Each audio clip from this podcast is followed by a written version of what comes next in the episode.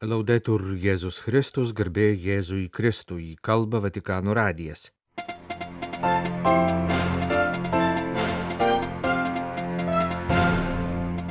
Popiežiaus audiencijos šeštadienio rytą.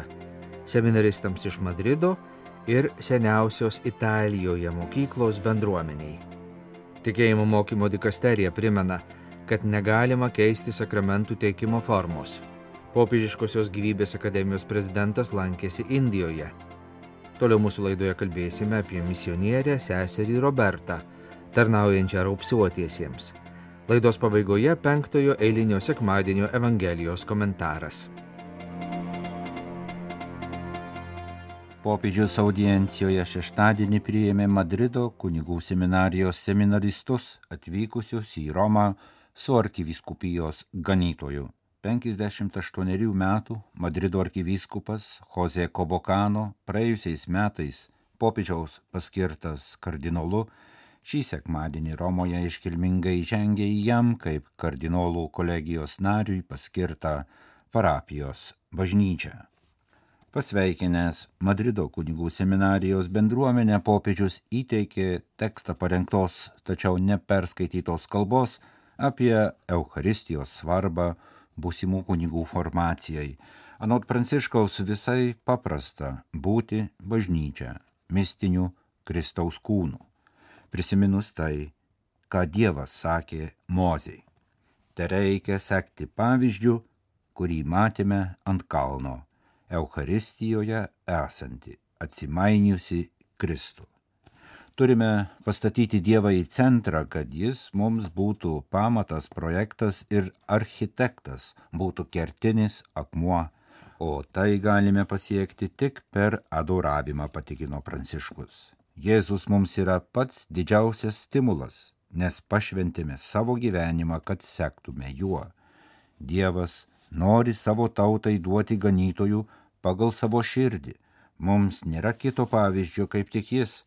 Didžiąją Jėzaus gyvenimo pamoką išmoksime tik būdami romios ir nuolankios širdies, pažymėjo popiežius, ragindamas seminaristus kas rytą stoti Eucharistijos akivaizdon.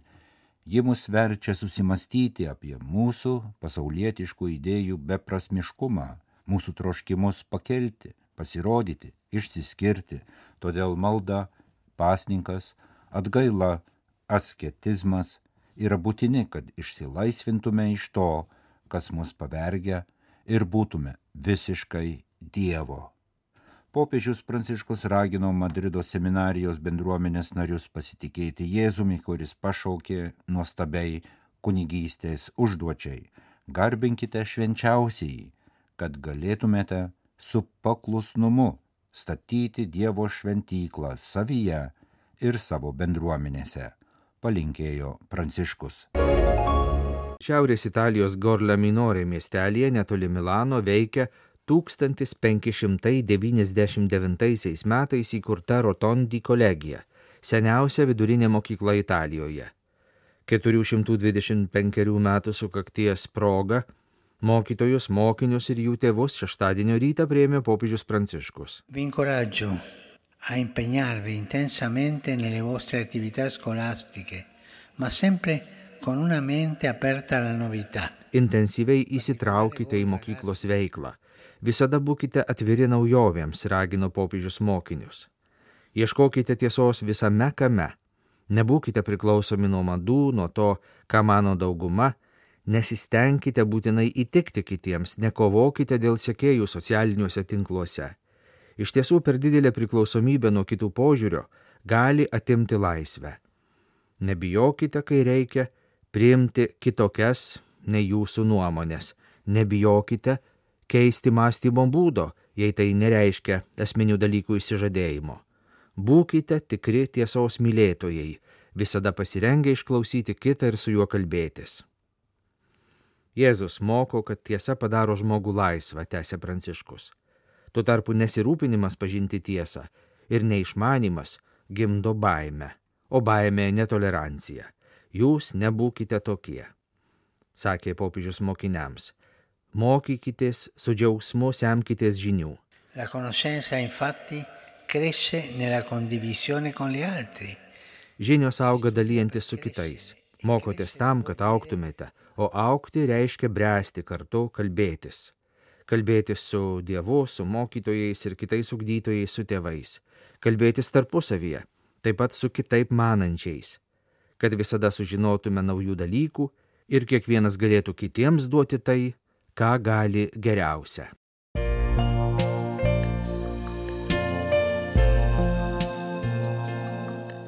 Jūs klausotės Vatikano radio. Tęsėme žinių laidą lietuvių kalba.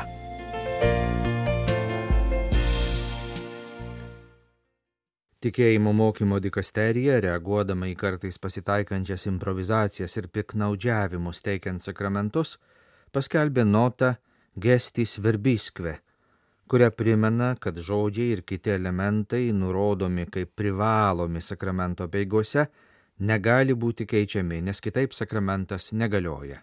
Notos pradžioje ją pasirašęs tikėjimo mokymo dikasterijos prefektas, kardinolas Viktoras Fernandesas paaiškina, kad šios notos prireikė dėl to, kad vis dažniau pasitaiko situacijų, kai tenka konstatuoti švenčiamų sakramentų negaliojimą.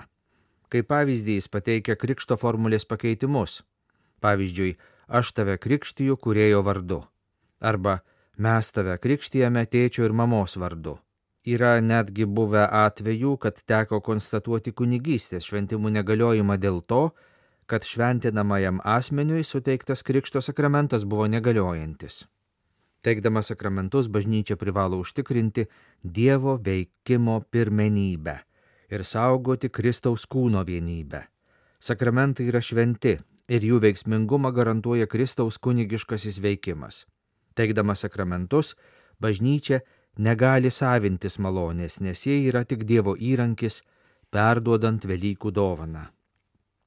Toliau nuotoje aiškinama, kad sakramento materiją sudaro žmogiškasis veiksmas, per kurį veikia Kristus. Šiame veiksme kartais naudojamas medžiagiškas elementas - vanduo, duona, vynas ar aliejus. Kartais ypač iškalbingas gestas - kryžiaus ženklas, rankų uždėjimas, panardinimas, patepimas. Tuo tarpu sakramento formą sudaro žodžiai, kurie materijai suteikia transcendentinę prasme, perkeisdami įprastinę materialaus elemento reikšmę ir atliekamo veiksmo prasme. Šie žodžiai visuomet semėsi įkvėpimu iš šventojo rašto, yra įsišaknyje bažnyčios gyvojoje tradicijoje ir autoritetingai apibriežti bažnyčios magisteriumo. Todėl sakramentų materija ir forma niekada nepriklausė ir negali priklausyti nuo individo ar atskiros bendruomenės valios, pabrėžiama notoje. Taip pat pakartojama, kad visais atvejais sakramentų galiojimui privaloma laikytis nustatytos materijos ir formos, nes savavališki vieno ar kito pakeitimai kelia pavojų veiksmingam sakramentinės malonės teikimui ir akivaizdžiai kenkia tikintiesiems. Liturgija leidžia įvairovę, kaip teigiama antrojo Vatikano susirinkimo konstitucijoje Sacrosanctum Concilium. Tačiau įvairovė ir kūrybiškumas, skatinantys geresnį apieigų supratimą ir aktyvų tikinčiųjų dalyvavimą, negali keisti to, kas švenčiant sakramentus svarbiausia. Arkivyskupas Vincenzo Palija paragino atnaujinti šeimos evangelijos skelbimą, sakydamas, kad teologinio apmąstymų šią temą vis dar nepakanka. Ketvirtadienį arkivyskupas Šanganas Serija pietinėje Indijos Keralos valstijoje inauguravo Jono Pauliaus antrojo Santokos ir šeimos studijų instituto organizuojamus kursus šeimos pastoracijos ekspertams.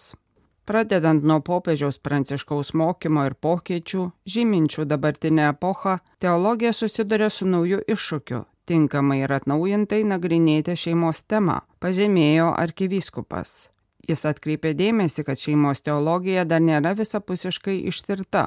Nors vyro ir žmonos sąjungai ir sutoktinių meiliai skirta daug studijų iš juridinės kanono perspektyvos. Naujojų kursų siekiama pagilinti santokos teologiją ir atkurti šeimos kaip krikščioniškojo sakramento vaisingumo žydinio reikšmę. Arkivyskupas Vincenzo Palija sakė, kad tikslas yra tyrinėti šeimą ne tik kaip santokos pasiekme, bet ir kaip jos vystimasi bei jos vietą visuomenėje. Popiežiškosios gyvybės akademijos prezidentas kritikavo visuomenės tendenciją pašalinti skirtumą tarp vyro ir moters, pavadindamas tai netektimi visiems. Biblijos žinia aiški - vyras ir moteris kilia iš Dievo ir yra neatsiejamai susiję vienas su kitu. Negali gyventi vienas be kito, sakė arkivyskupas. Jis taip pat pabrėžė neišardomą bažnyčios ryšį su vaikais, palygindamas jį su Kristaus ryšiu su bažnyčia. Arkivyskupas Vincenzo Palija taip pat dalyvavo Indijos viskupų konferencijos plenarinėje asamblėjoje Bengalūre, kur kalbėjo apie dirbtinio intelekto poveikį bažnyčiai ir žmonijai vienuolės iš Monzos, Šiaurės Italijos, vadovaujančios Kulnos ligoniniai Bangladeše patirtis. Tikrasis iššūkis net ir su meilė įveikti stigmą, kurią sukelia raupai Hanseno lyga. Palabi turėjo 15 metų, kai ant jos odos atsirado pirmieji lygos požymiai - mazgeliai, odos infiltracijos, ausų spenelių patinimas, nagų ir pėdų opos. Kai ją nuvežė į ligoninę, jos periferiniai nervai jau buvo rimtai pažeisti. Pasakoja sesuo Roberta Pinionė, misionierė ir gydytoja, vadovaujanti ligoniniai Kulnoje. Tai vienintelė struktūra, kuri specializuojasi raupsais sergančių pacientų slaugoje pietų Bangladeše. Labai skurdžioje Gango deltos regiono dalyje, kur ši lyga tebe kamuoja daugybę žmonių iš Šiaurės Italijos kilusi 52 metų sesuo Roberta, baigusi medicinos studijas 2006 metais, tapo nekaltai pradėtosios mergelės Marijos seserų misionierę. O nuo 2012 metų ji kovoja su šia liga, kurią 1998 metais Pasaulio sveikatos organizacija paskelbė išnaikinta, tačiau ji vis dar egzistuoja daugelie pasaulio šalių. Tai skurdo, prastos mytybos ir nešvarumų lyga, sako sesuo Roberta, kuri kasdien susiduria su naujais atvejais. Žmonės pasmerkti dvigubai dėl lygos ir dėl stigmos. Kai palabi buvo nuvežta į ligoninę, pasakojo misionierė, iš karto patikrinome jos kontaktus ir sužinojome, kad jos mama, močiutė, sesuo, teta ir pusbrolis taip pat užsikrėtė. Jų tėvas buvo miręs prieš kurį laiką, Vietinės bendruomenės žmonės jų vengė, taigi jie išgyveno ypač sunku momentą. Sesuo Roberta ir jos bendradarbiai ne tik ėmė teikti medicininę pagalbą, bet pradėjo profesinio mokymo kursą su palabi, kad ji galėtų tapti finansiškai nepriklausoma. Šiandien ji yra profesionali siuvėja, sugebėjo susikurti nuolatinį klientų ratą, leidžiantį išlaikyti save ir šeimą. Palabi sukūrė šeimą, džiaugiasi savo dukra ir vyru, pasakoja sesuo Roberta. Misionierė dalyjasi rūpešių dėl savo pacientų. Galvoju apie jų gyvenimus, kaip jie didžiąją laiko dalį praleidžia čia ligoninėje, kovodami su lyga. Žiūriu į savo pacientus ir užduodu savo daug klausimų apie jų gyvenimo situaciją ir ką dar galėtume padaryti. Kartais tai reikia palaukti, kol ateis gyjimo laikas. Kaip sunku visą tai priimti atrodo, kad nepajėgiama tinkamai atsiliepti į iššūkius, bet galiausiai svarbu, kad jie jaustųsi mylimi. Tai taip pat padeda pasveikti, sako misionierė sesuo Roberta, kuris tengiasi gražinti raupsuotusius į visuomenę.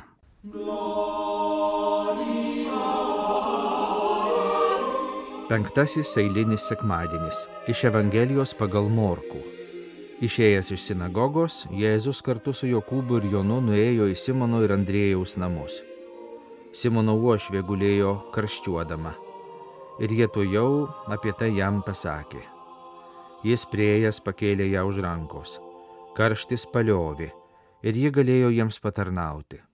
Atėjus vakarui, kai saulė nusileido, pas Jėzų sugabeno visus ligonius ir demonų apsėstuosius.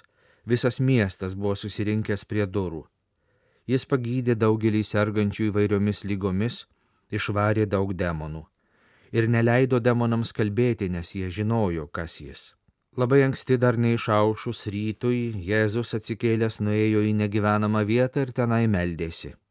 Simonas ir jo draugai nusekė iš paskos ir suradę jį pasakė, visi tavęs ieško. Jis atsakė, eikime kitur, į gretimus miestelius kad ir ten skelbčiau žodį, nes tam esu atėjęs. ir keliavo po visą Galilėją, skelbdamas žodį jų sinagogose ir išvarinėdamas demonus. Skaitome penktojo eilinio sekmadienio Evangelijos komentarą. Tarnystės stebuklas. Petro uošvės pagydymas tai tarnystės stebuklas, kuris, lyginant su kitais, gali atrodyti nelabai reikšmingas. Vis dėlto neturėtume pamiršti, kad stebuklai nėra galybės demonstravimas, bet Dievo gailestingumo ženklai. Taip vertinant šį pagydymą mums atsiskleidžia tiesa apie ženklo menkumą ir ypatingą šio ženklu suteiktą malonę. Jei šis stebuklas nebūtų buvęs padarytas ne namų aplinkoje, o aikštėje, matant daugybę žmonių, ko gero tai atitrauktų dėmesį nuo tikrosios jo prasmės.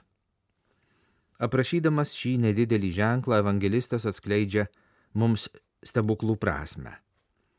Jėzus stebuklingai išgydydamas žmonės jiems suteikia galimybę tarnauti, o tarnaudami mes tampame panašus į Dievą. Jėzus atėjo į pasaulį, kad jame padarytų stebuklą, parodytų, kad meilė yra įmanoma ir išmokytų žmonės mylėti. Toji Jėzaus meilė tai tarnavimas žmonėms. Kas myli, tarnauja, veltui, nepaliaudamas, visiems, neišskirdamas ne vieno Serganti Petro uošvė tai tarsi mūsų atvaizdas. Ji serga, vadinasi, negali patarnauti kitiems. Jai yra priversti padėti kiti. Ji naudojasi kitų patarnavimais. Nesugebėdami tarnauti mes taip pat esame dvasios ligoniai. Ir tik susitikimas su Jėzumi padaro mus panašiais į jį, kuris atėjo ne kad jam būtų tarnaujama, bet pats tarnauti. Tarnavimas tai pagyjimas iš mirtinos žmogų kankinančios karštlygės, egoizmo žudančio žmoguje Dievo paveikslą. Egoizmas pasireiškia tada, kai mes siekiame pasinaudoti kitų patarnavimais, kas savotiškai pareigoja abipusės. Tuo tarpu meilė parodoma tarnaujant ir suteikiant laisvę kitam žmogui. Krikščionys siekia tarnauti ir nieko nereikalauja iš kitų. Tik tada, kai kiekvienas siekia būti naudingas kitiems, galiausiai visi tampame laisvi. Apaštalas Paulius neveltui primena Galatams - nešiokite vieni kitų naštas ir taip įvykdysite Kristaus įstatymą. Evangelistas atkreipia mūsų dėmesį į tai, kad Jėzus neleido demonams kalbėti apie jį.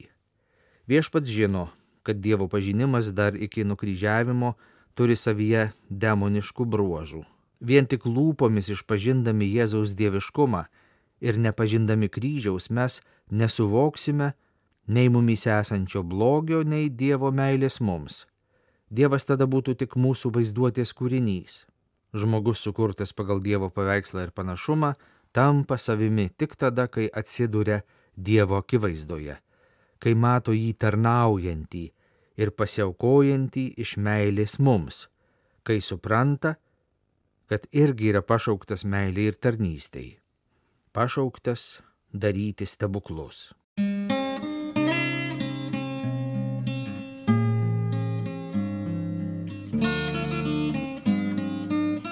Kalba Vatikano radijas. Laidą lietuvių kalba baigėme. Garbėjai Jėzui Kristui, laudetur Jėzus Kristus.